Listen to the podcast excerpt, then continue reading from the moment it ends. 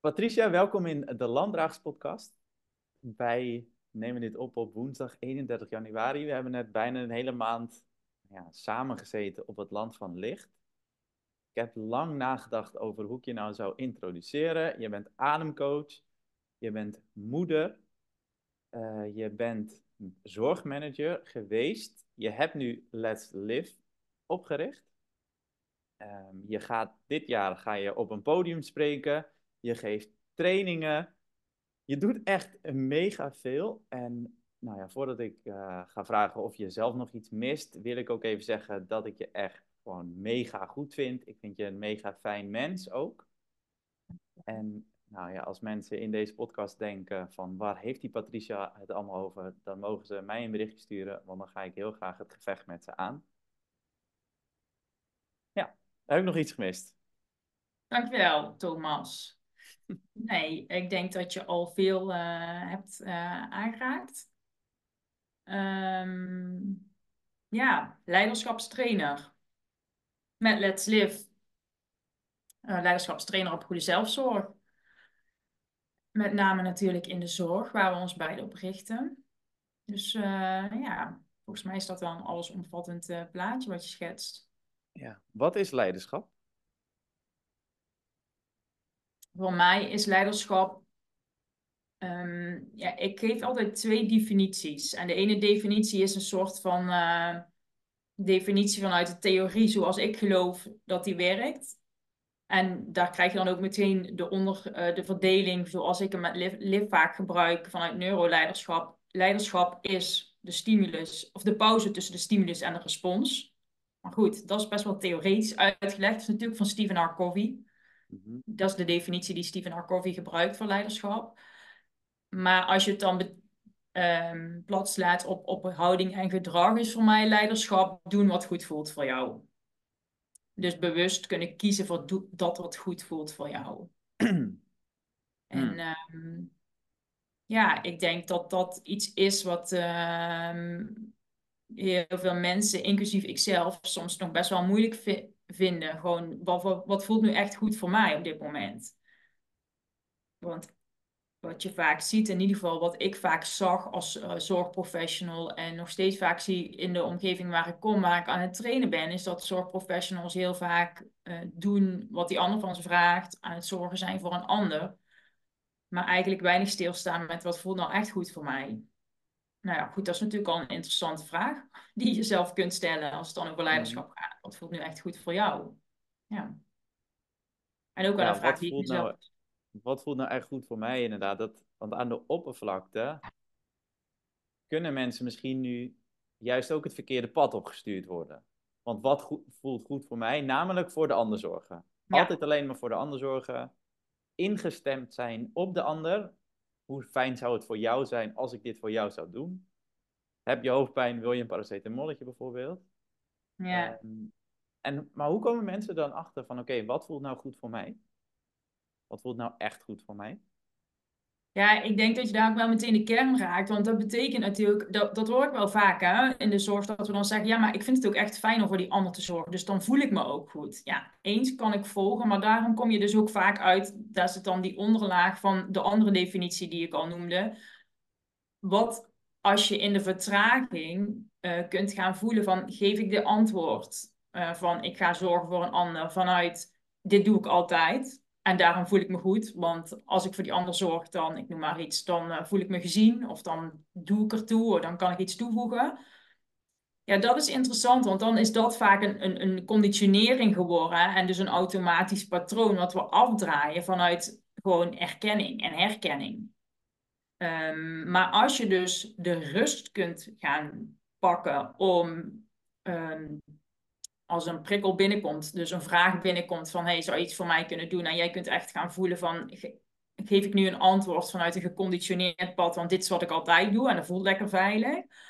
Of kan ik die rust pakken en voelen, ja, ga ik nu echt ja zeggen? Of voel ik eigenlijk nee op dit moment? En dat is natuurlijk veel aan de orde in de zorg, waarin we continu bezig zijn met um, ja, het, het lijkt bijna wel over vragen van die zorgprofessional. Dus er wordt hartstikke veel leiderschap van een zorgprofessional gevraagd. Terwijl we helemaal niet heel erg bewust bezig zijn met ons eigen leiderschap. Dus dat, dat is eigenlijk heel erg paradoxaal dat, dat, dat het zo werkt. Mhm. En anderzijds ook wel weer logisch, want we zitten gewoon in een overlevingsstand vaak. Dus we zijn ons niet zo bewust van, ja, wat is nou echt goede zelfzorg? Hoe voelt zoiets nog voor mij? We denken dat we, dat we goed voor onszelf zorgen door goed voor een ander te zorgen. Maar uiteindelijk zie je, en dat is natuurlijk wat we ook zien in de, in de effecten in de zorg, dat het op de lange termijn gewoon voor heel veel verzuim en verloop zorgt. Want je kunt niet continu voor een ander blijven zorgen. Zonder ergens even pas op de plaats te gaan maken en voelen: oké, hoe is het ook alweer voor mij? Wat voelt nou goed voor mij? Mhm. ja. ja, ik heb een heleboel vragen. Alleen al sinds door dit relatief korte antwoord voor jou. Ehm, vraag 1 is: hoe goed ben jij in vertragen? En ik weet ook, er zit een heel verhaal achter bij jou. Je hebt een dijk van een persoonlijk verhaal. Dus misschien wil je daar ook iets over vertellen. Hoe was het eerst en hoe is het nu? Wat heb je geleerd? Waar, Mhm. ja, waar mensen iets van kunnen leren. Ehm, hoe goed ben ik aan vertragen, was jouw vraag. Hè? Mhm. Ehm, ja, inmiddels denk ik dat ik daar, vrij, dat ik daar best wel eh, goed in ben. Maar dat gaat ook met fases. Het gaat niet elke week even goed als eh, de andere week. En het is absoluut iets wat ik heb moeten leren. Want als ik ergens goed in was, eh, vroeger als klein meisje, maar ook in mijn jaren toen ik ging studeren en uiteindelijk binnen de zorg ging werken, is het gewoon doorgaan. Gewoon doorknallen en op een soort van, ja, zoals ik het dan zeg, uh, mannelijke young energie, gewoon hop, hop, hop, gas erop en uh, presteren en uh, kijk eens wat ik allemaal kan en doe dit er nog wel even bij, dit pak ik ook nog wel. Dat is ook wel iets waar ik goed op ga en wat, waar ik ook op een gegeven moment goed in ben geworden. Dus je wordt er ook nog ergens om gewaardeerd. Dat je veel werk verzet en dat je doelgericht bent. En um, dus die waardering die je daaruit krijgt, maakt ook dat je eigenlijk nog harder gaat werken. Of dat je mm voelt dat je goed bezig bent.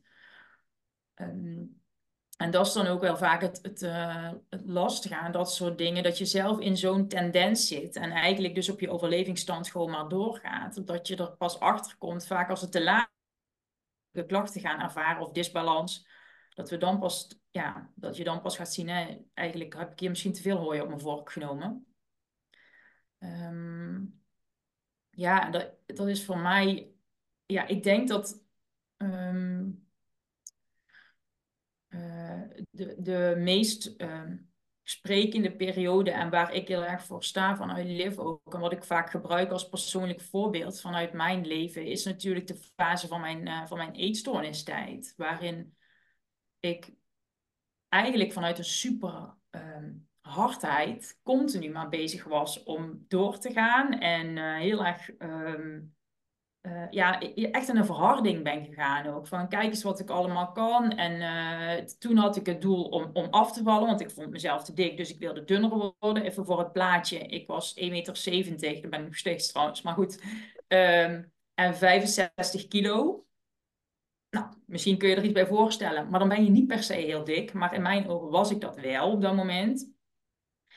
En um, wat ik heb gedaan is een, controlebehoefte gaan uh, uh, uitvoeren. Dus en die, die kreeg bij mij, uh, zag dat eruit als vooral niet meer gaan eten. En uiteindelijk die, geloof ik dat het niet zoveel uitmaakt of je, of je gaat over heel veel sporten, of je gaat drinken, of je gaat drugs gebruiken, of wat dan ook. Al die controlebehoeftes zijn eigenlijk allemaal een afleidingsmanoeuvre om niet bij je pijn te komen.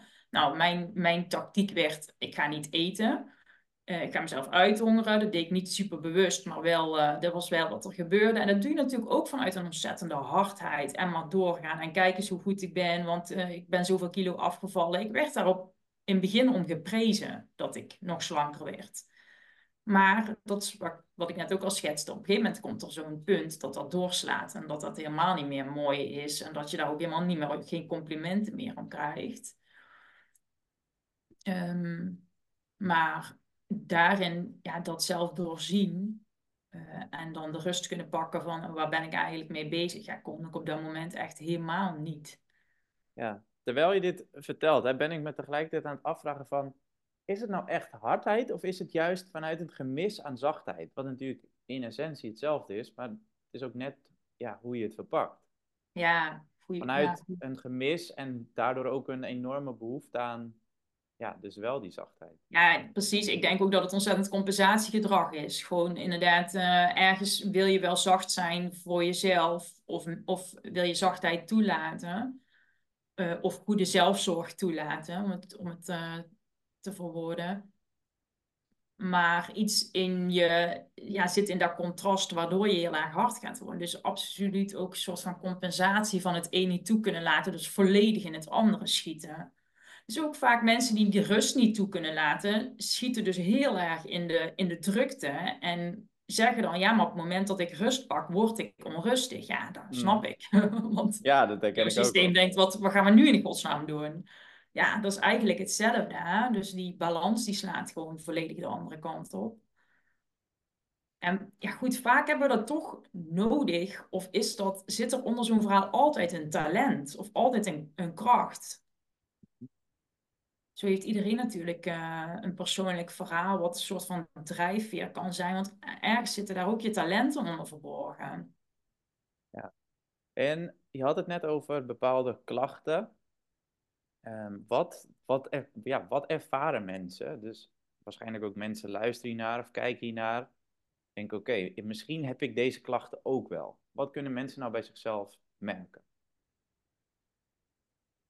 Ja, ik geloof dat, dat je lichaam is gewoon echt een, het eh, meest interessante, mooiste eh biochemisch apparaat wat wij, wat wij, waar wij over beschikken. En dat, is, die is super slim. Alleen zijn wij soms eh, er een beetje doof voor geworden en luisteren we niet altijd maar even goed naar de signalen van ons lichaam. En of denken we dat het normaal is. Denken we dat het normaal is dat, we, dat onze nek af en toe vastzit, dat we rugklachten hebben, uh, dat we last hebben van een, uh, van een tennisarm. Dat we nu eenmaal uh, heel ons leven al migraine hebben. Um, hyperventileren, astma hebben, hoofdpijn ervaren. Weet je, we praten het ook allemaal... Uh, we praten het heel veel goed. Ik hoor ook heel vaak dat, er, dat mensen dan zeggen van... Ja, maar goed, mijn moeder heeft het ook. Dus het zit bij ons in de familie. En dan komt de klacht van Mhm. wat ze dan hebben. Ja, dat is natuurlijk gewoon een, een, een, een verhaaltje wat, wat je jezelf vertelt. En uh, dat bedoel ik niet als verwijt of veroordelend. Ik heb daar zelf ook heel veel gedaan. Uh, maar ik geloof, ik geloof echt niet dat je in puur als je helemaal dicht bij je kern bent, dat jij die lichamelijke klachten hebt. Daar geloof ik helemaal niks van. Ja, en we hebben het hier natuurlijk al, ja, wat ik al zei, ik heb de hele maand in het land van licht gezeten op een, eh, ja, wat een retraite is, daar kunnen we het zo nog wel over hebben. Ja, Eigenlijk zeg je, hey, alles waar je nu last van hebt, kan je jezelf van bevrijden. ja, ik geloof echt voor een heel groot gedeelte. Ik wil me niet per se begeven op het vlak van mensen die echt terminaal ziek zijn en dat soort dingen. En die dan gaan zeggen, ja, maar Patricia van Liv zegt dat je jezelf kunt genezen daarvan. Nou, dat vind ik eh, een brug te ver. Mhm. Eh, ik, mijn ervaring, en is natuurlijk ook met mijn eigen ervaring met alle klachten, lichamelijke klachten die ik zelf heb gehad, ehm, is dat je je van een heel groot gedeelte wel van heel veel klachten kunt genezen. En helemaal als ademcoach weet ik ook, ben ik, ben ik voor opgeleid. En als je ziet eh, wat die opleider, hè, eh, ik ben opgeleid door Be Mind, die mogen best genoemd worden, want ik vind ze echt rete goed Mhm. die ehm, hebben al lang aangetoond dat ze 300 ziektes kunnen voorkomen. Als je, met, als je weer efficiënt gaat ademen. En we, we weten gewoon niet dat we die kracht allemaal in ons hebben. Iedereen heeft, heeft de mogelijkheid om je ademhaling weer efficiënt te maken. Maar als je er niet bewust van bent, ja, dan doe je daar dus niks mee. Maar ja, ik geloof dat we echt in essentie heel veel zelf aan kunnen pakken. Ehm, ja, maar goed, soms zijn er ook dingen waar we, ja, waar we geen invloed op hebben of die ons overkomen. En ehm, ja, dan heb je altijd een keuze hoe je ermee omgaat, maar niet per se aan, aan het feit dat het je overkomt, kun je niet altijd iets aan doen, in mijn ogen. Ehm, je zegt iets interessants. Mensen kunnen dus hun eigen ademhalingsstelsel van, nou ja, aan naar uitzetten. Ja, Volgens mij staan heel veel zorgmedewerkers continu aan.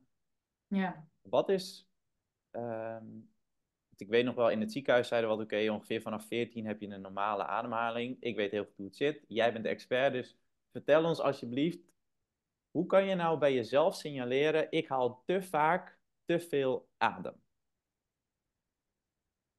ja, dan moet je eh, stil gaan staan, as we speak.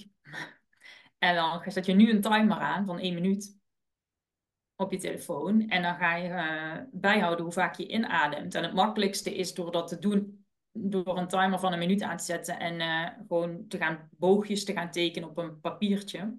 In, uit, in, uit. Dat is de makkelijkste manier om te tellen hoe vaak heb ik nu in en uitgeademd in die minuut. Nou, dan weet je het. Dan weet je, en dan kun je zeggen, ja, maar op het moment dat ik zeg dat ik het ga timen en we gaan het meten, beïnvloed je het. Ja, eens. Dus dan doe je die meting gewoon twee of drie keer en dan pak je een gemiddelde. Mhm. Of je gaat er net iets onder zitten als daar voor jouw gevoel beter is. Maar je hebt een gemiddelde van hoe vaak, ja, van je ademfrequentie, van hoe vaak je ademt per minuut. En ik vind het interessant als er wordt gezegd in de zorg dat ongeveer 14 keer ademhalen per minuut uh, normaal zou zijn. Want dat is gewoon, dat is het absoluut niet als verdubbeling van je ademen. Maar het is wel zo dat de meeste Nederlanders en ook mensen die een stressvolle baan hebben, uh, op een gemiddelde van 14 tot 16 zitten. Maar het is niet, uh, is niet het is niet efficiënt ademhalen. Absoluut niet. Efficiënt ademhalen zit tussen de zes keer per minuut. Ja. Dus ja, dan kun je eigenlijk nu, uh, als je de podcast hoort of kijkt of terugziet, kun je het voor jezelf eh, meteen uh, timen.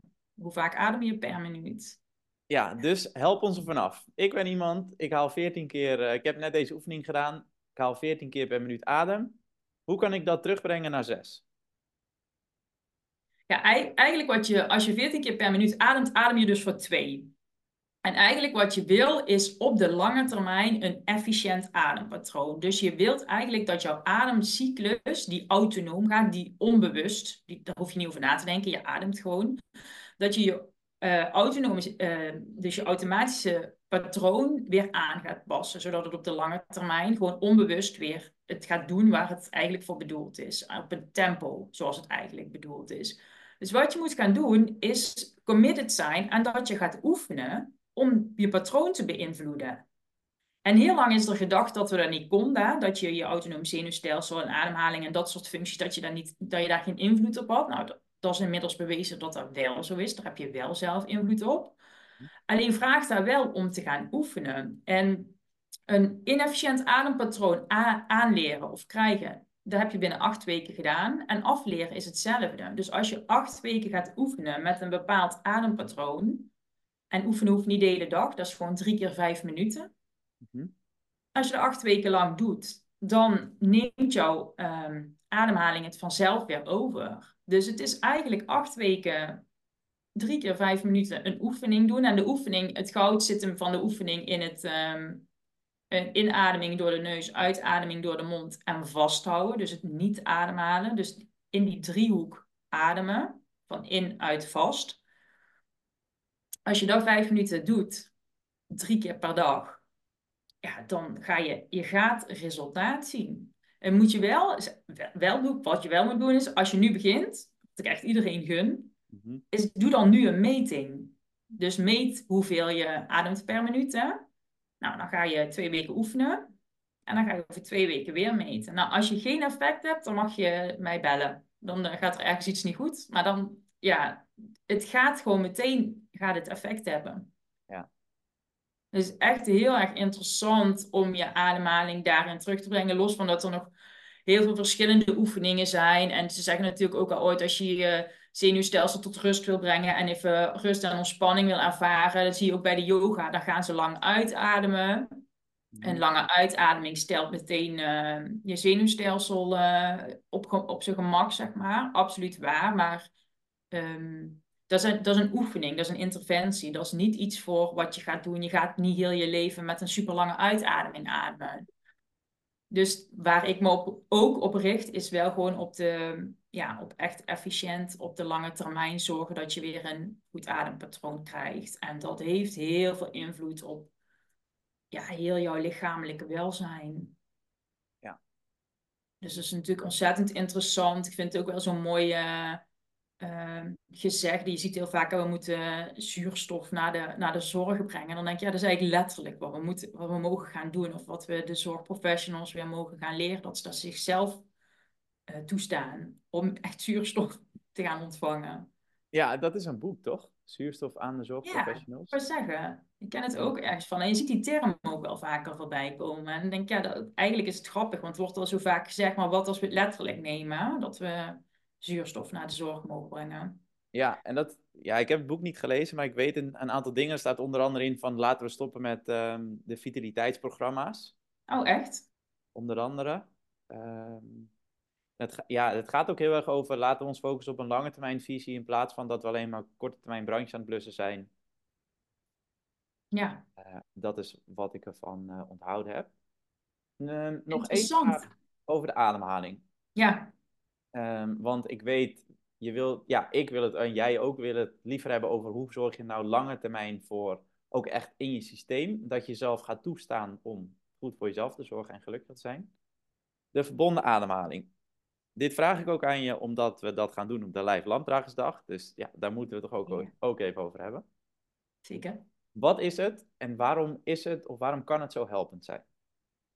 Ja, verbonden ademhaling is iets anders dan wat ik net uit heb gelegd. Hè? Dus verbonden ademhaling, en dat is wel essentieel om te snappen, is een, is een interventie die je inzet op dat moment. Is een oefening die je doet, die direct effect heeft. Maar je gaat niet heel je leven verbonden ademhalen. De, word je knettergek. En verbonden ademhalen is niks anders dan gaan ademen zonder een pauze. Dus of dat je nu ziet, ehm, of dat je een ademreis maakt, of een eh, verbonden ademhaling, of er zijn allerlei termen voor bedacht, maar eigenlijk komt heel die, al die termen komen in diezelfde container uit als gewoon je gaat in- en uitademen zonder een pauze. Mhm. En wat je dus eigenlijk gaat doen, kun je je misschien eens bij voorstellen, als je continu in dit tempo gaat ademen, dan ben je eigenlijk een soort van aan het hyperventileren. Mhm. Want er is nergens meer een pauze. Er komt heel veel zuurstof in en er gaat onwijs veel CO2 uit. Want op het moment dat je inademt, komt er zuurstof in. En op het moment dat je uitademt, gaat het restproduct CO2 eruit. Wat je nou eigenlijk dus doet als je verbonden gaat ademhalen, en, of tijdens een ademreis, is voor een langere tijd op die manier ademen. Waardoor je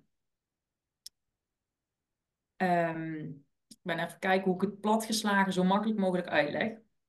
Waardoor je eigenlijk het signaal aan je brein geeft: we zijn, eh, we zijn, aan het, eh, we zijn in angst, we zijn in, eh, in het gevaar. Want je ademt wel zuurstof in, maar omdat je zo snel CO2 uitstoot, kan die gaswisseling niet plaatsvinden in je lijf. Dus die zuurstof die komt wel binnen, maar die gaat niet, die heeft de tijd niet om afgegeven te kunnen worden in jouw cellen en in jouw weefsel.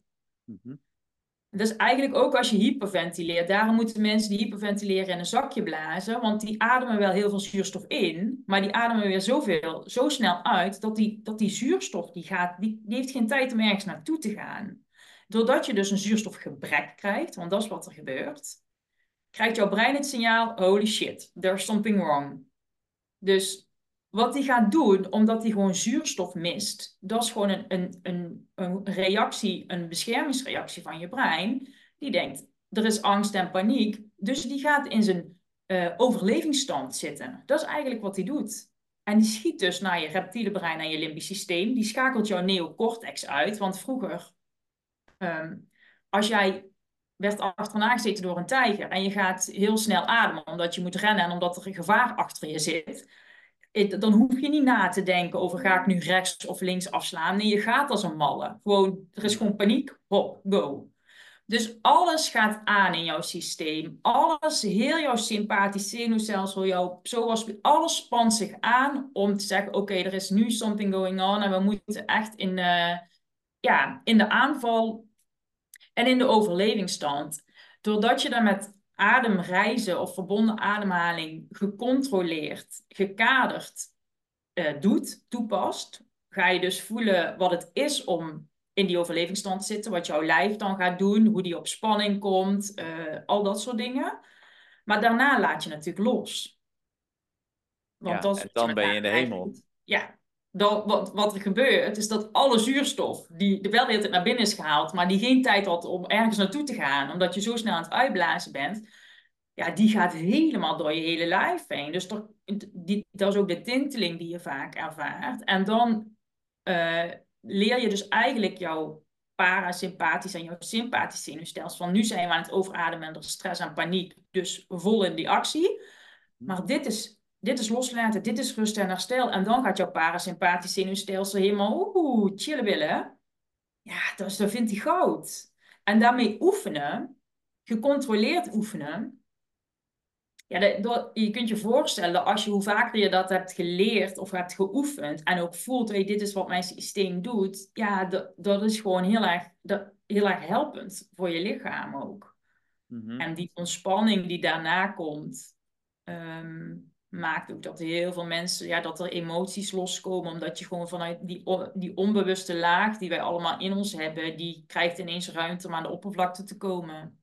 Ja, en dat is voor veel mensen, en ik spreek daarin ook voor mezelf, want ik heb dat zelf ook ervaren, denk ik wel de reden om niet verslaafd te worden aan ademreizen, maar om dat wel vaker te gaan doen, uh, om juist die, die ontspanning te ervaren.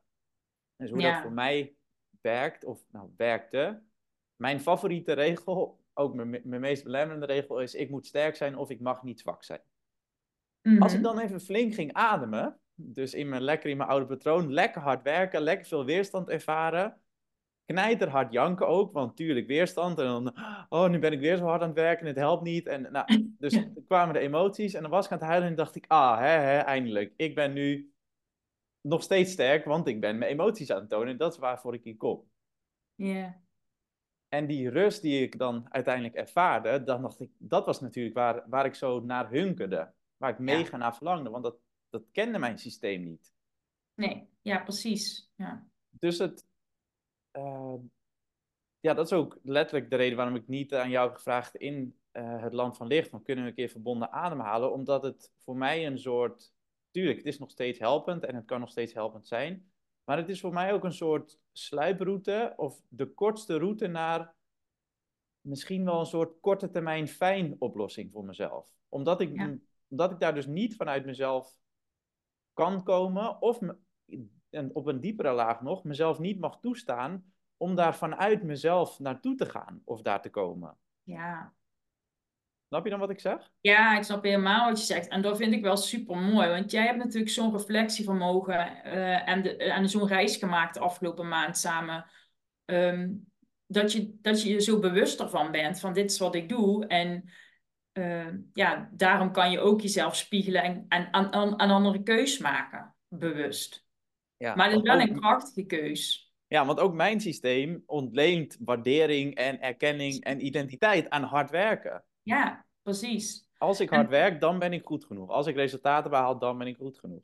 Ja, en dat is natuurlijk, ik denk dat heel veel mensen zich daar herkennen. Gewoon, we worden ook geprezen als we iets opleveren. Dat is ook hoe de maatschappij is ingericht, maar ook, ja, ik heb zelf jonge kinderen. Wat je ziet, het gebeurt gewoon al heel snel, ook op de basisschool. Niet per se bewust, maar het gebeurt gewoon wel. Als we onze toets goed maken, uh, dan krijgen we een voldoende. En een voldoende is een cijfer boven de zes. En dan vinden we het helemaal geweldig of zo. Heel, ja, dus we, ja, we hebben het ook allemaal zo gecreëerd.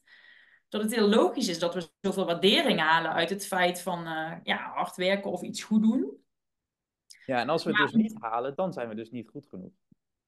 Nou ja, interessant. Dat is natuurlijk super interessant. Want ja, goed, nou wijken we af van het ademhalingsstuk. Maar ja, blijkbaar zit er al iets. En dan krijgen we daar ook nog een cijfer voor. Of zo. Ja. Kijk, en ik, ik leef ook niet in de illusie dat, dat we dat hele systeem opeens gaan veranderen. Het is volgens mij meer gewoon een feit dat we, dat we dit zo leren. Dus als ik dit behaal, dan ben ik wel goed genoeg. En als het niet zo is, ja, dan ben ik niet goed genoeg. Maar, wat ik wel, maar goed, ik wil heel even nog terug op die ademhaling. En dan, want dan wil ik hier ook wel op reageren. Maar dan gaan we misschien te snel van de op de trap. Ja, dat is goed. Ehm, daarom is het zo goed dat het duidelijk is dat ademhaling een tool is, een interventie kan zijn, die je kan helpen om te voelen wat aan en uit is. Maar het is nooit het, ehm, ja, je, moet, je mag heel erg voor jezelf scherp blijven. Is het mijn, wordt het mijn uitvlucht? Want het kan niet zijn waar je zeker, daar herken ik zelf ook, waar je weer opnieuw verslaafd aan raakt, omdat dan je rust en uh, ontspanning ervaart. Maar je mag jezelf gaan herinneren dat jij rust, ontspanning bent. En dat je goed bent zoals je bent. En daarom geloof ik, en, dat is natuurlijk waarom ik vanuit Let's Live ook uh, die oefening gebruik, maar juist ook inzet op een ademhalings, een echt een efficiënt patroon eigen maken. Want uiteindelijk wil je niet afhankelijk zijn van een korte interventie, uh, maar wil je het gewoon in jezelf voelen. Ja. Dus dat, uh, ja, mooi dat je dat toevoegt, want herkenbaar dat dat dan ook weer een soort van verslaving kan zijn. Ja, en het, ja, het is ook oké voor de mensen die nu denken, oh, moet ik dan geen ademreis meer gaan doen, een verbonden ademhaling? Ja, dat denk ik juist wel. Ja, absoluut. dat denk ik Uh, ook. Alleen weet wel dat ja, je er uiteindelijk niet afhankelijk van bent. Want wat je dus gaat leren, wat ik dus ook geleerd heb, is dat je dat gevoel gaat herkennen van, wacht eens even, het zit letterlijk in mij. Ja, Ik ben dit gevoel.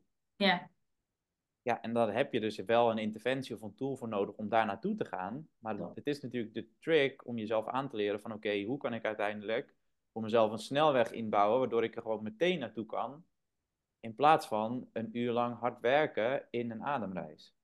ja, precies. En zodat ik inderdaad het zelf kan toelaten en kan gaan geloven dat dit gewoon in mij zit. En waarom ik ademwerk dan wel een krachtige tool vind om te gebruiken, maar goed, dat is echt helemaal persoonlijk, is omdat ik het soms zelf lastig vind dat we zo aan het zoeken zijn buiten onszelf. Dus eh, ja, medicatie, allerlei verdovende middelen. We gebruiken van alles om onszelf goed te voelen. Of dat dan nou een reep chocola is of wat dan ook. Uh, en ademhaling heb je wel altijd bij je. En het, is, ja, het is je, voor mij is het echt mijn levenskracht. Dus hoe mooi is het als je dan de tool al in je hebt zitten om die dan te gaan benutten. In plaats van uh, het continu van buiten naar binnen te halen. Wat natuurlijk helemaal niet de beweging is. Want het gaat altijd van binnen naar buiten. Ja, ja helemaal eens. Ik vind ademen ook letterlijk de, de beste, krachtigste tool die er is. Maar jij zegt uh, dat je dat uh, met ademhaling ook zo hebt ervaren. En nu, helemaal na zo'n maand, als ik jou ook een vraag mag stellen. Mm -hmm. Ja hoor, dat mag zeker. Na, na een maand op, uh, zo in op het land van licht, een soort van retraiteverblijf. Voelt het dan, of misschien was het daarvoor al, alsof je het echt meer zelf belichaamt en bent. Dat je het uit jezelf kunt halen? Ja. En is daar de afgelopen maand dan iets wezenlijks in veranderd? Of iets... Ja, 100%. Oké, okay, ja. Um, ja, ik ben nu twee dagen weer aan het werk. Of proberen ja. te werken. Natuurlijk een maand niet gewerkt. Ja. Waar het in het, ja, in het land van licht heel erg in ging, is zorgen ervoor dat je hoofd en je hart in connectie staan. Um, ja, werken doe ik veel met mijn hoofd. Niet alleen maar, maar heb ik vooral heel veel met mijn hoofd gedaan. En nu moet ik, ja, in het land van licht ging gewoon continu over wat voel je, hoe kan je jezelf toestaan om nou, naar, het, naar het goede en het plezierige gevoel te gaan? En nu moest ik opeens weer met mijn hoofd bezig. Dus ik dacht van, hè, hoe, hoe moet dat? Hoe, hoe, deed ik dat altijd? Ja, uh, dus ik ben nu ook, ja, vandaag en gisteren, ik ben mijn keynote aan het, aan het aanpassen. Um, ja, heel veel notities gemaakt, heel veel nagedacht over hoe wil ik dat nou precies. Ik heb hier letterlijk een aantal gewoon dingen uitgeschreven gisteren, omdat ik dacht, oké, ik ga het eerst maar eens opschrijven, wat wil ik nou precies vertellen? Ja, en hoe meer ik er eigenlijk mee bezig ben, des te meer ik natuurlijk weer tot het besef kom van, hé, hey, wat ik op papier had staan en wat ik vertelde, was gewoon al fucking goed. Uh, dus daar zit natuurlijk ook weer, een, weer zo'n interessante reflex in. Uh, in mezelf van, oké, het kan dus nog veel beter. Het, want ja, kijk, de realiteit is natuurlijk, het kan ook beter. Uh, en nu ik dat aan het doen ben, wordt het ook beter en krijgt het allemaal een nog logischere volgorde. Zit er wat meer theorie achter, waardoor mensen ook begrijpen waarom ik vertel wat ik vertel. Maar het was gewoon al supergoed. Ja. Ik ben in april vorig jaar, of maart vorig jaar, ben ik begonnen met spreken. En letterlijk de eerste keer dat ik uh, sprak, had ik een 8 gemiddeld. Uit weet ik veel hoeveel beoordelingen. En er zaten tienen tussen. Inmiddels heb ik tien keer gesproken en dan zeg ik niet tegen mezelf, ja, het moet nog beter. Um, en nu voel ik ook echt bij mezelf dat ik denk van, ik kan het mezelf zo verschrikkelijk moeilijk maken daarin. Ja, en wat ik heb geleerd uh, in, het, ja, in het land van licht, en natuurlijk, er zit nog wel een reflectie in van dat, het, ja, dat ik maar hard moet blijven werken en hard moet blijven rennen, maar dat ik denk van, hé, hey, het is gewoon echt oké. Okay. Waarschijnlijk, als ik niet eens wat voorbereid, kan ik alsnog een uur vol praten op het podium. En dan denken mensen nog steeds, oké, okay, dit was echt mega. Je hebt Ja. het goed uitgehaald. Ja, dus de basis is gewoon al heel erg goed. En ook wat jij ook zegt, inderdaad, ergens is er iets in ons, wat heel erg logisch te verklaren is vanuit ons brein, maar dat altijd aan het zoeken is naar wat kan er beter en hoe kan ik het, hè? Wat, wat, wat was er niet goed genoeg? Dat is natuurlijk wel wat, wat we altijd makkelijk zien. Mhm. Maar hoe fijn is er dan als je inderdaad tot die conclusie kan komen, eigenlijk al, was het gewoon al hartstikke goed. Ja, Ja, ja, ja, het heeft af en toe nog even wat, eh, wat, wat omwegen nodig. Tenminste, niet Mhm. omwegen. Ehm, en het is, ja, het is ook helemaal oké, want ik, ik beleef ook heel veel plezier door gewoon dingen op te schrijven. ja, Ja, schrijven en dingen bedenken, dat is echt mijn creativiteit. Dus ik heb ook gewoon best, twee best wel leuke dagen gehad. Ik geef mezelf ook niet op mijn kop van, ja, zie je nou wel, sukkel, van het was al goed. Denk van, Nee. het is ook oké. ja, precies. En dat is, de- ja, dat is wel voor mezelf ook wel echt een eh, cruciaal verschil. Als ik dit eerder had gedaan, dan had ik wel tegen mezelf gezegd van ja, zie je wel sukkel, je hebt nu zeven uur verneukt. En nu denk ik, ja, prima. Blijkbaar had ik dit nodig om nogmaals te voelen dat het al goed was. ja, inderdaad. Ja, en dat is natuurlijk echt, als we, waar we het net over hadden, dat is wel echt vanuit zachtheid jezelf toelaten van oké, blijkbaar had ik deze ervaring gewoon nodig. Want eh, ik herken het wel, maar ook in mijn omgeving, als ik mensen coach, zoveel mensen die dan eh, iets meemaken of iets doen en dan zichzelf daarna gewoon nog volledig onderuit trappen omdat ze er van alles van vinden. Ja, dat is zo, eh, zo zonde dat je dan nog een keer toelaat om jezelf zo de grond in te boren. En heeft natuurlijk ook niks met goede zelfzorg en zachtheid te maken. Dus wat als je inderdaad gewoon die ervaring blijkbaar nog een keer nodig had. Ja, Mhm. nice. Wanneer. kijk, we hebben ja, heel, ook heel vaak de vraag gesteld van oké, wat is nou het verschil tussen nodig hebben en afhan- afhankelijk zijn? Ja. Ja. Ik vind het nog steeds wel opmerkelijk dat dat iets doet als je het zegt. Want er zit nog steeds wel een soort van spanningsveld op. eh, mag ik iemand nodig hebben? Was voor mij de afgelopen twee weken natuurlijk ook eh, wel een thema wat werd aangeraakt. Want ik kan vanuit mijn hoofd echt wel zeggen dat ik vind dat ik iemand nodig mag hebben. Ik denk dat best veel mensen dit kunnen. Maar de kunst is om dan nu, as we speak, of als ik deze woorden uitspreek, heel eventjes bij jezelf te voelen wat het echt met je doet als ik, als ik, als ik vraag, mag jij iemand nodig hebben? En dan niet alleen mentaal iemand nodig hebben, zo van ja, ja nee, dat, dat mag ik wel. Ja, dat is een antwoord vanuit je hoofd. Maar mag je echt, kun je voelen in al je lagen, vanuit je hart, vanuit het puntje van je kleine teen, dat je iemand nodig mag hebben. Ja, ik moet zeggen, ja, jij weet waar we doorheen zijn gegaan de afgelopen twee weken. Ik mocht daar toch ook nog wel een keer, eh, zeg maar, inzakken met, met alles wat ik had. Van ja, ehm, kan ik daar echt in zachtheid iemand toelaten? En dat kwam natuurlijk ook, daar heb ik ook wel een post over geschreven, van, eh, eh, omdat ik een paar dagen echt goed ziek ben geweest. Dus je werd ineens, ik werd afhankelijk van dat ik eigenlijk dus iemand nodig had die voor me zorgde. Maar goed, als moeder zijnde, en misschien herkennen moeders zich daarin van, als moeder zijnde van twee jonge kinderen, waarvan er één ook ziek was, is dat best een uitdaging als je ziek wordt. En ehm, is het gewoon heel makkelijk, tenminste voor mij is het heel makkelijk, om dan toch over die grens heen te gaan, om eerst voor die anderen te gaan zorgen. Terwijl, terwijl ik eigenlijk voelde, ja, ik heb gewoon niemand nodig. Ik, dit was echt, ik ben gewoon ziek. ik moet gewoon nu Mhm. op de bank liggen en iemand moet voor mij gaan zorgen. Eh, maar ja, mag je dan, sta je het jezelf toe om iemand nodig te hebben? Ja, dat is super interessant.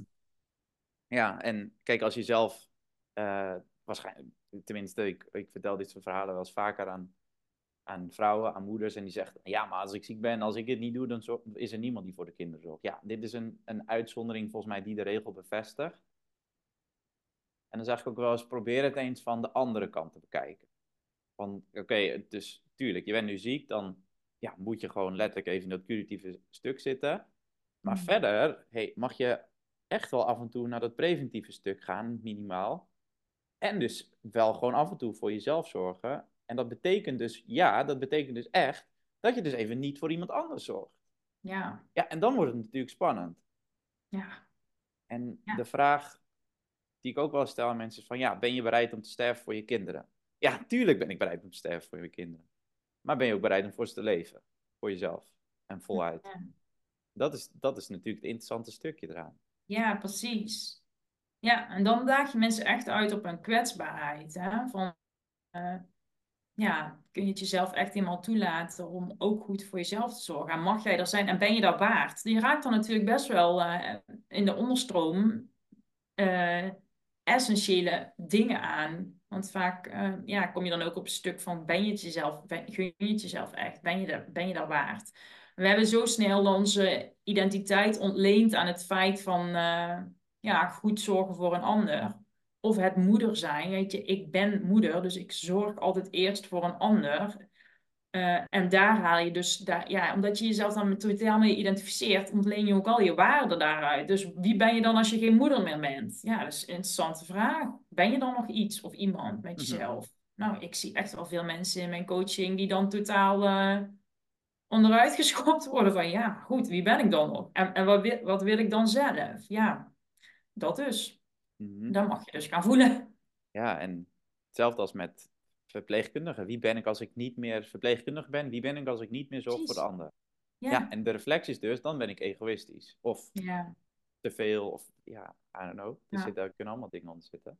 Ja. Mm, waar zijn wij doorheen gegaan de laatste twee weken? Wil je daar iets over delen? Want waarschijnlijk vragen mensen zich dat af. En wat is het land van licht en wat gebeurt er allemaal? Ja, ja, wat is het land van licht? Ik denk dat jij het eigenlijk best wel mooi verhoort. Het is een, een, eh, een soort van retraitecentrum waar je gewoon naartoe kunt komen als je een vertraging wilt. Uh, maar wel voor mensen die wel al zichzelf ook kunnen dragen. Dus die voelen van, hé, hey, ik, ik, uh, ik sta redelijk steady. En ik, ik, ik, ik durf te reflecteren op mezelf. En natuurlijk mag je daar iemand voor nodig hebben. Maar... Um, ja, het voelt wel als mensen die wel een bepaalde, bepaald reflectievermogen hebben en, gewoon, en voelen dat ze daarmee in, uh, ja, dat er meer in zit. Die zichzelf nog sterker en krachtiger willen maken. En ook zichzelf gunnen om in een hoogste potentieel te gaan staan. Voor zichzelf en voor hun omgeving. Ik denk dat dat mensen zijn die, uh, die perfect passen op het land van licht. Maar je gaat het zelf wel voelen. Um, uh, als je erop googelt of als je er een keer iets over hoort of als je er een keer langskomt, dan ga je zelf wel voelen of dat het je plek is. Um, waar zijn wij doorheen gegaan? Goeie vraag. Uh, het eerste wat in me opkomt is polarisatie. Wij, ja, we zijn tussen door uh, de tegenstrijdigheid die het leven ook gewoon heeft. En die soms zichtbaar wordt en soms ontzettend wordt uitvergroot. En dan bedoel ik de, de tegenstrijdigheid in ja, waar we het de hele tijd over hebben. Hard en zacht. Um, yin en yang, uh, mannelijk en vrouwelijk. Um, ja, overleving of uh, ruststand. Eigenlijk die, die stukken werden volgens mij uitvergroot de afgelopen twee weken.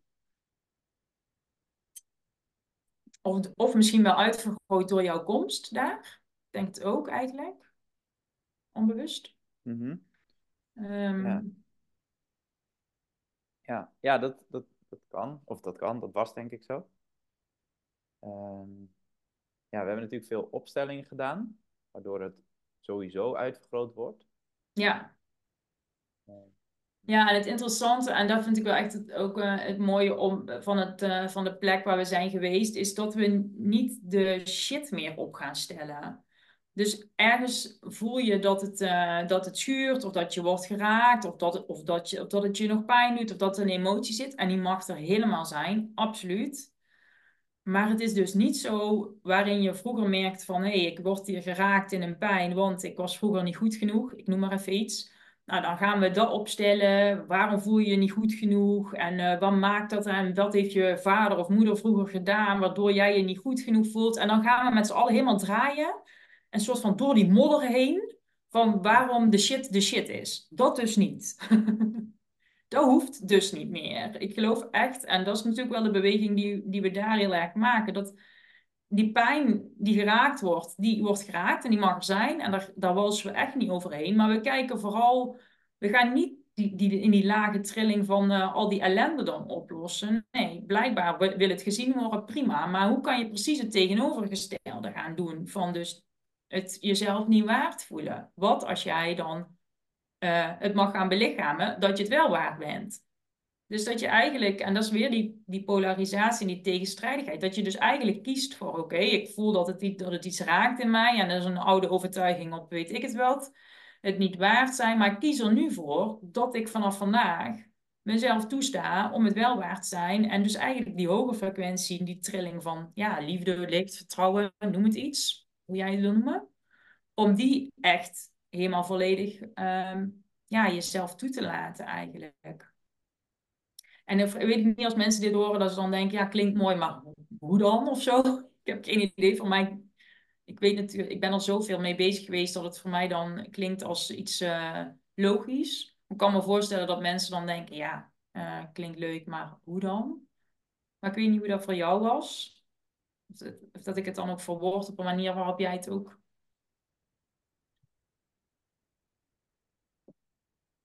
Ik ben er natuurlijk geweest. En kijk, voor mij was het een verademing dat dit vanaf moment één gezegd werd.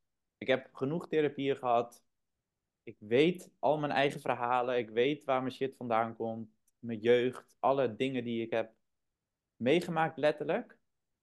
En ik, ja, het was echt een verademing voor mij. Dat werd niet letterlijk zeg, maar dat was wat ik al zelf al een tijdje voelde. Hey, die verhalen, die kan je gewoon lekker daar laten. Want ik weet ook, ik ben heel goed in verhalen vertellen. Dat doe ik, doe ik ook letterlijk. Maar ik ben ook goed in mezelf verhalen vertellen. En dat is allemaal bullshit. En als ik me blijf verschuilen, want dat is ja, letterlijk wat het is. Het is een soort gekozen slachtofferschap. Als ik ervoor blijf kiezen om te zeggen, ja, maar dat komt daar vandaan en daar vandaan. Ja, dan blijf ik dus hier. Ja. Terwijl als je hier wilt komen, ja, dan heb je wel een snelweg te bouwen tussen deze twee. Ja, en ik denk dat je dan makkelijk hier, veel makkelijker hier naartoe kan gaan.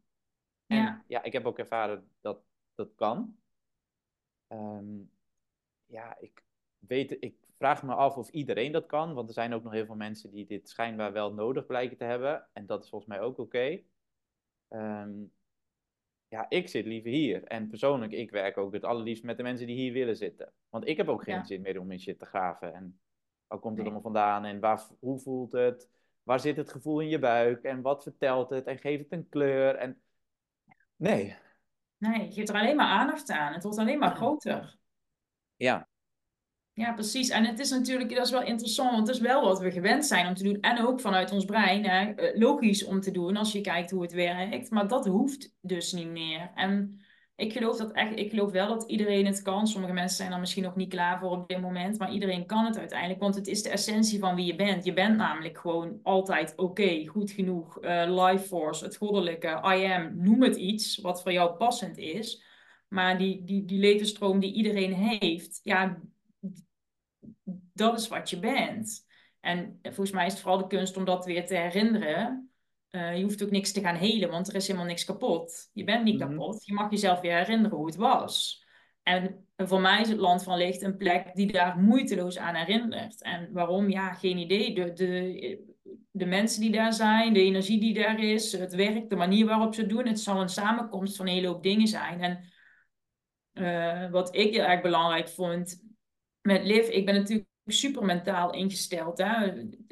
Als je um, een eetstoornis hebt gehad, dan ben je volgens mij met je mindset echt superkrachtig. Want ooit was mijn waarheid dat ik dik werd van een appel. Nou, als je dat jezelf wijs kunt maken, dan kan je wel zeggen, kan je niet voorstellen dat je een goede mindset hebt. Maar die ben ik natuurlijk voor me gaan gebruiken. Dus de kracht van jezelf een verhaal vertellen, wat jij eigenlijk ook zegt, die heb ik omgedraaid. Nou, ja, als ik allemaal niet helpende verhalen tegen mezelf kan vertellen, dan wordt het nu interessant. Als ik die kracht is ga benutten om allemaal helpende verhalen tegen mezelf te vertellen. Dus wat als ik wel kan spreken voor een groep? Wat als ik wel die zelfverzekerde persoon ben? Wat als ik wel goed genoeg ben? Nou, interessant. Dat ging ik allemaal programmeren. En, uh, maar dat maakte wel dat ik, voordat ik bij het Land van Licht kwam, heel erg dingen wilde snappen. En ik uh, in ieder geval niks neuroleiderschap in mijn, in mijn rugzak heb zitten. Ik wil dingen begrijpen, anders kon ik ze niet binnen laten komen. En dat maakt wel dat ik ook best wel sceptisch was toen ik daar naartoe ging. Dat ik dacht, ja, een beetje vaag vind ik het allemaal wel. En hoe dan? En, eh, want mijn hoofd wilde het allemaal begrijpen en wilde het kunnen uitleggen. En het liefst laat ik er een soort van literatuurstudie op los. Want dan voelt dat veilig voor mijn hoofd. En dat vindt mijn hoofd heel fijn. Um, maar ja, dat dus allemaal uh, los kunnen laten. Dus echt het hoofd uh, heel even daar laten. En het allemaal misschien niet meteen snappen. Maar denk, ja, ik ben ook wel van nature heel nieuwsgierig. Daar hebben we het ook al over gehad. Heb jij volgens mij ook. Dus ik dacht, ja, ik, ik heb niks te verliezen. Laat ik er gewoon een maand instappen. Ik ga er gewoon zijn.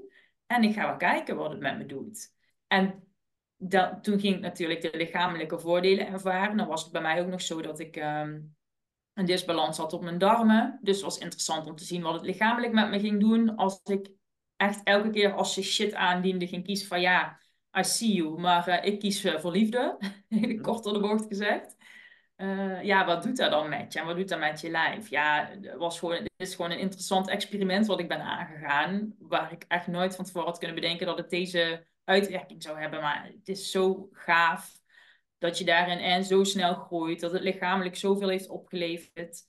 En dat je dus ook zo'n snelle uh, reis maakt, persoonlijk. Ja, je komt gewoon in je, bij je, voor mijn gevoel, echt, in, wat jij zo mooi zegt, omdat je hoofd en je hart gaan echt connecten met elkaar. Het gaat allemaal op, de, op diezelfde trilling of zo zitten.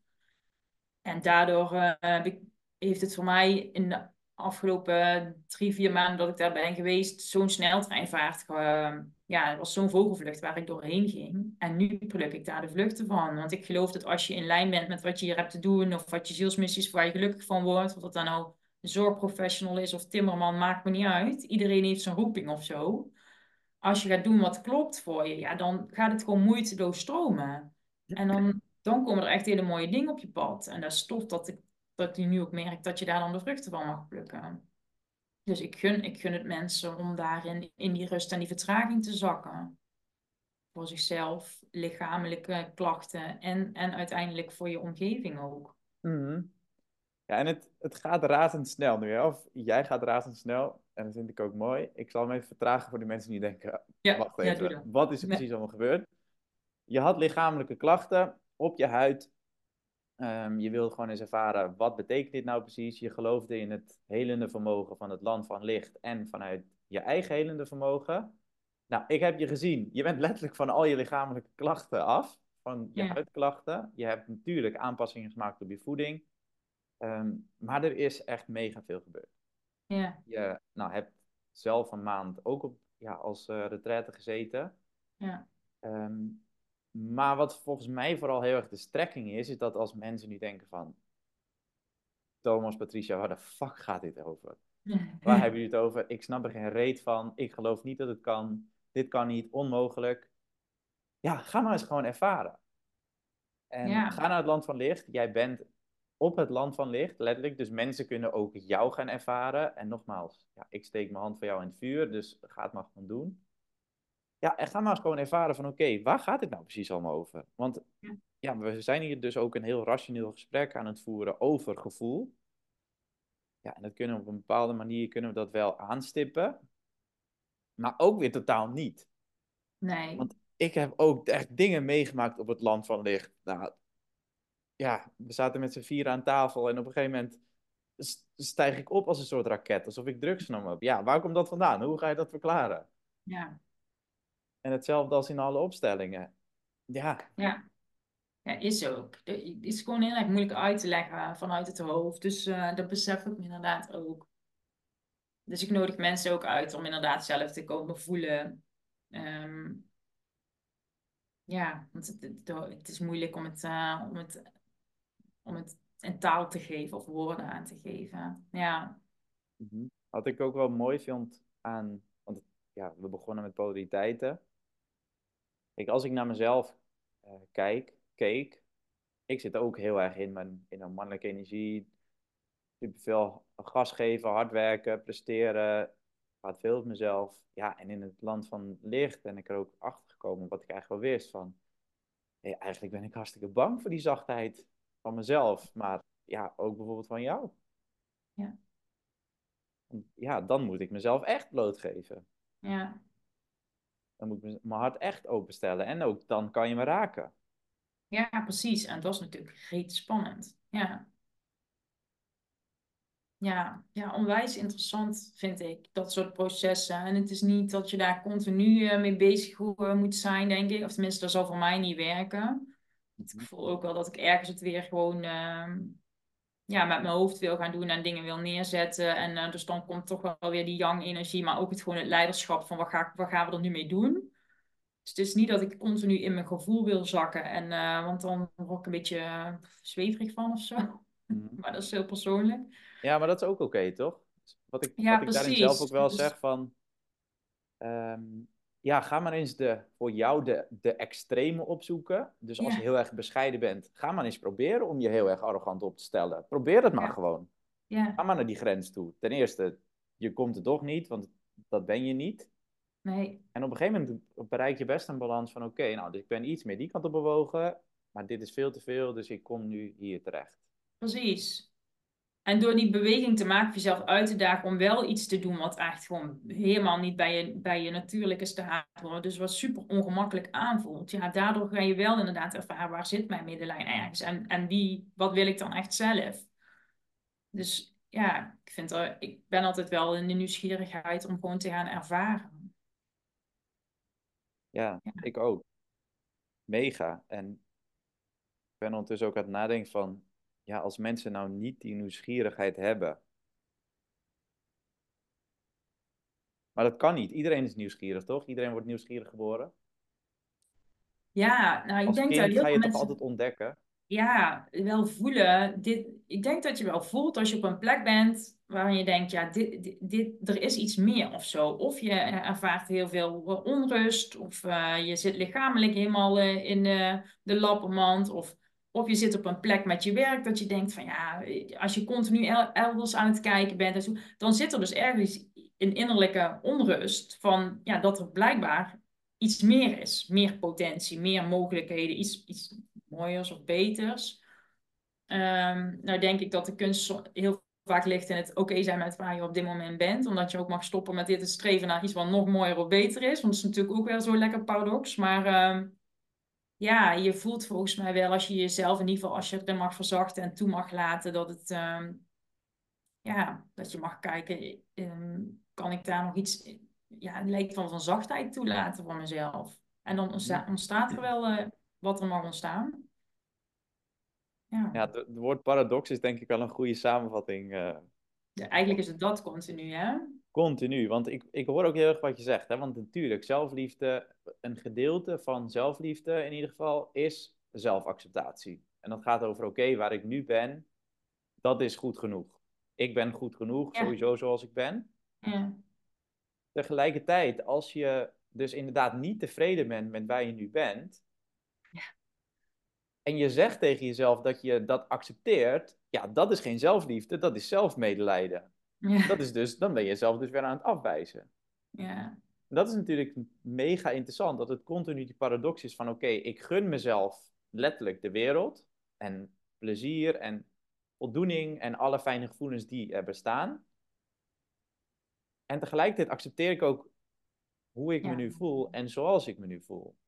Ja. Dus het is ook, ja, ook oké dat, het, dat het niet wanneer ben je wel, ik wil zeggen dat je niet in balans bent. Wanneer ben je wel in balans? Volgens mij nooit. Nee, Zodra je denkt dat je in balans bent, dan flik je er weer vanaf. precies. Ja. Uh, maar ja, dus volgens mij is de strekking van oké, als je ja, echt voor jezelf op de lange termijn goed wilt zorgen, dan mag je jezelf ook gewoon echt de wereld gunnen. En dat is niet egoïstisch, niet arrogant, je bent niet te veel. Dat is dan dus weer dat oude bandje wat je jezelf afdraait. Ja, en wat als je het gewoon eens gaat proberen om jezelf de wereld te gunnen. Of je vraagt iemand, of, of je, daar mag je ook hulp bij vragen. Dat iemand je erop spiegelt of bij helpt. Hoe het is om uh, de wereld te vragen. Of jezelf wel continu op één te zetten. Nou, ga maar eens tegenover iemand zitten. Of ga maar eens om met iemand die dat wel doet. En dan mhm. gaat het waarschijnlijk in je allergie zitten. Ja, dat is dan interessant om te onderzoeken. Want daar zit dus iets. Ja. Dat is wel essentieel inderdaad. Dat je dus iemand zoekt die jou kan helpen om dat te worden. Ja, en volgens mij is dat ook wat je bijvoorbeeld zoiets als op een land van licht, of überhaupt als mensen bij, bij, voor een lifttraining of een coaching bij mij komen of bij jou komen, omdat ze iets, ze, ze zoeken eigenlijk naar iets of iemand die het al doet, die het al zo handelt, die al in zijn leiderschap staat, of die het al heel volledig belichaamt, hoe je het ook wil noemen, uh, om, om te kunnen spiegelen, zodat ze daar ook naartoe kunnen bewegen. Ja, volgens mij werkt het zo ook heel vaak, dat je gewoon mag gaan kijken ja, is er iemand in mijn omgeving of kan ik iemand vinden die eigenlijk al doet wat ik zou, ja, zou willen doen of die daar al is? Zo kijk ik daar ook de hele tijd naar. Als ik wil leren om beter te spreken, ga ik ook naar de mensen toe waarvan ik denk, oh die shit, die staan nice op het podium. Wat, wat doen die nou wat ik nog niet kan? Want dan wil ik daardoor geholpen worden. Volgens mij is die groei en die ontwikkeling is het ook wel waar het continu om gaat. Het is eigenlijk wat je als kind ook continu aan het doen bent. Hè? Je bent de hele tijd aan het scannen en aan het kijken hoe, hoe doen die mensen, of doet mijn moeder het, of doet mijn juf het. En dan ga je dat ook doen. En soms gaat dat goed en eh, tien keer ga je op je bek. Ja, that, that's it. Ja, en ook dat is dus weer die, weer die paradox. Want ja, je bent goed zoals je bent en je mag jezelf erop vertrouwen dat je dit, dat je dit kan, dat je dit kan gaan belichamen en gaan leven. Maar je kan het ook niet zelf. Want als je het zelf had gekund, dan had je, was je het al geweest en dan had je het al gedaan. Ja. En je wilt ook weer niet afhankelijk worden van deze persoon, want je kan het zelf. Maar je hebt diegene Nee. wel nodig. Maar ik denk dat goede leiderschapscoaches of mensen, en daar geloof ik echt in. eh, vanochtend had ik nog een, een, eh, een coaching met iemand. En denk ik, het laatste wat je moet doen, is iemand afhankelijk van je maken. Dan ben je, dan ben je in mijn ogen echt geen goede coach. Of geen goede trainer, of wat dan ook. Je mag mensen herinneren aan dat ze het zelf al kunnen. Alleen vaak hebben we heel eventjes iemand nodig die die, die herinnering weer eh, scherp maakt. Of die ons klankbord, of die ons spiegelt, of wat dan ook. Eh, maar uiteindelijk is het de bedoeling dat je, dat je het zelf weer gaat doen. Dat is ook jouw leiderschap.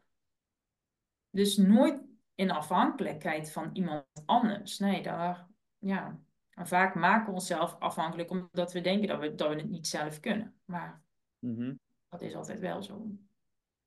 Maar dat is natuurlijk ook een groei waar je doorheen mag gaan. Hè? Ik, bedoel, ik hoor het mezelf zeggen en ik heb ook periodes gehad toen ik nog jonger was waarin ik dacht dat ik andere mensen nodig had om ergens te komen of iets te kunnen doen of mezelf verzekerd te voelen of wat dan ook. Want ja, dat is ook niet van de een op de andere dag allemaal eh, gegaan dat ik, zo, eh, ja, dat ik er zo zelfverzekerd of krachtig in kan staan. Dus je mag jezelf natuurlijk wel die journey gunnen. Ja, ja, 100%. Dus ja, ook als je dit luistert, dan. eh, ja, jij en ik zijn hier al super lang mee bezig. Ja, en ik denk ook de mensen die dit luisteren, dan denk je, ja, maar dit is het feit dat je hier naar luistert, dan doe je het al. Mhm. Dan gun je jezelf dus de ruimte om eh, dingen te beluisteren. En of dat je het dan wel of niet eens bent met wat we- wat we zeggen, of dat je het soms wel kunt volgen, of soms denkt, waar hebben ze het over? Eh, It doesn't care. Het is gewoon het feit dat jij jezelf de tijd geeft om eh, te luisteren, inspiratie op te doen, te voelen, wat doet dit met mij? Oh, dit vind ik niks, oh, dit vind ik wel iets. Dan- Dat is, dat bewustzijnsverruiming. En dat is dus, elke keer als je daarmee bezig bent, ga je beter voelen, oh, dit is wel wat past bij mij. Oh, dit is eigenlijk helemaal niet wat past bij mij. Misschien vind je iets wel super irritant aan ons gesprek, of aan mij.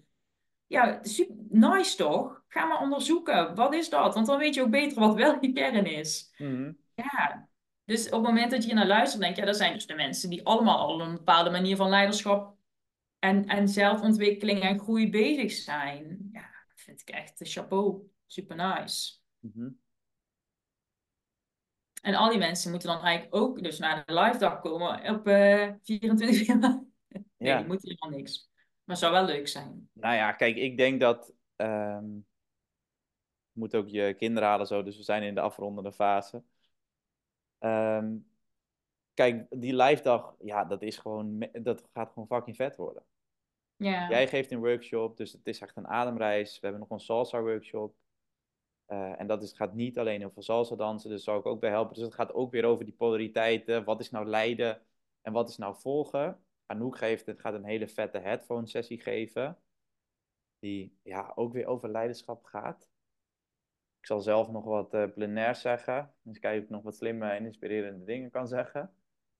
Ehm, maar ja, dat is uiteindelijk in de kern waar het, waar het over gaat. Het gaat echt over leiderschap en zelfzorg en zelfliefde. En allemaal op de lange termijn. Ja, en het enige wat je daarin dus hoeft te doen, is ervoor kiezen dat je tijd voor jezelf vrijmaakt om daar, om daar een dag voor in te ruimen. Om gewoon te zeggen, nou ga ik gewoon een dag ehm, naar een plek toe waar ik me laat inspireren, waar, eh, wat dit soort dingen zijn. Ja, die keuze moet, mag je zelf maken. En je gaat zelf voelen of dat dit eh, jouw dag is of jouw mensen zijn. Maar meer, en op het moment dat je die keuze hebt gemaakt, ja, de, de rest beweegt vanzelf. Mhm. Ja. Ja, en door, ook door doordat je er bent, ja, en je betaalt 99 euro, zeg je ook al letterlijk ja tegen jezelf. Je investeert 99 euro in jezelf. Ja. ja, precies. En ben je daar waard? Ja, ik hoop, hoop ik wel. Ik gun wel dat mensen zichzelf dat, uh, dat waard vinden. Ja. ja, dat hoop ik ook. Maar ik denk dat dat voor sommigen nog best een uh, ding kan zijn. Maar dat is ook oké. Ja. ja. Ja, en ook daarin bekijk het dus van de andere kant. Hoeveel geld geef je op dit moment uit aan Netflix, aan allemaal dingen van de buitenkant die ervoor zorgen dat je dus erkenning haalt vanuit de buitenwereld. Terwijl je juist het wilt halen vanuit de binnenwereld. Ja, precies. Van binnen naar buiten. Dat is de beweging, ja. Ja, ik ben benieuwd. Ik heb er heel veel zin in in ieder geval. Ja, ik ook. Meegaan. um, heb, je nog een, uh, heb je nog iets gezegd? Of iets niet gezegd wat je heel graag wilde zeggen? Ja, ik weet het niet. Ik vond het een interessant gesprek. Het kreeg een, uh, vooral een persoonlijke wending. En, uh, um, en dat is ook oké. Uh, dat is helemaal oké, mensen. Ik heb geen geheimen, dus ze mogen alles van me, van me weten. Nee, volgens mij uh, is het helemaal oké zo. Ik vind het wel interessant om nog eens dieper in te gaan over op het stuk van uh, hoe dit dan allemaal gekoppeld wordt aan leiderschap en wat, hoe ik dan met lift daarin ook echt aanvlieg. En dan kom ik meer weer op het stuk van um, uiteindelijk deze persoonlijke reis en soms zelfs ook spirituele reis koppel ik um, met wetenschappelijke dingen, met mijn neuroleiderschap dingen. En dat alles wordt een mengelmoesje waar, waarmee ik die leiderschapstrainingen wegzet. En dat is nog misschien wel het interessant om daar eens dieper op in te gaan van... Ja, wat maakt dan dat ik vind dat ik echt um, een toegevoegde waarde heb met mijn leiderschapstrainingen en de manier waarop wij allebei onze dingen aanbieden. Maar voor nu, ja, ik vond het wel, uh, ik vond het wel nice om ook uh, een stukje van onszelf te laten zien hierin. Volgens mij ja, is dat wel wie we zijn. Ja, volgens mij ook. Het was een, uh, we hadden geen voorbereidingen. Ik heb geen voorbereidende vragen gestuurd, ook niet opgesteld. Nee. Ja, is goed. Dan kom je gewoon nog een keer terug. Uh, ja. En ja, je mag het ook een keer vertellen in, in de landdraag, als masterclass. Ja, dat sowieso inderdaad. En als mensen benieuwd zijn naar uh, welstukken die we hebben aangeraakt over uh, um, de polarisatie of uh, yin en yang energie of hoezo had jij lichamelijke klachten en ben je daar uh, vanaf, dan uh, mag ik ze misschien ook nog wel verwijzen naar mijn eigen podcast, want daar is veel, daar, daar deel ik ook wel over mijn persoonlijke verhaal, maar ja, daar breng ik het wel samen ook met alle andere kennis. Dus ehm, ja, als mensen daar meer over willen weten, dan wijs ik ze, verwijs ik ze graag naar de podcast van mij. En hoe heet die? Live Voel Je Leiderschap. Waarin ik dus met de titel al genoeg zeg, het gaat niet alleen over het weten en het kennen, wat ik heel belangrijk vond en waar ik van alles over deel, maar het gaat ook echt over het ervaren en het voelen en het echt gaan doen. Dus mhm. dat, dat breng ik wel samen in de podcast. Het is leuk als mensen daar uh, nou, nog iets van willen weten. Ja, nice. Verder ben je te vinden op Instagram, op LinkedIn. Je website is www.letslive.nl. Yes. Daar kunnen mensen meer dan genoeg vinden. Zaterdag 24 februari ben je dus op de Live Landdragersdag. De link vind je hieronder. Dus als je denkt, oké, daar wil ik bij zijn. Say no more. Gewoon erop klikken. En als je nog vragen hebt, dan kan je mij berichten. Of jou een berichtje sturen. Yes. Uh, ja, ik wil jou onwijs bedanken weer uh, voor dit hele fijne en waardevolle gesprek. Ja, graag uh, gedaan. Jij bedankt. Ja, maar ook nog dieper, ja, bedankt voor wie je bent. Ja, wederzijds aan de mensen die dit gekeken of geluisterd hebben. Onwijs bedankt. Uh, like de video en klik even op volgen. Dan krijg je automatisch de volgende video binnen. En uh, tot de volgende.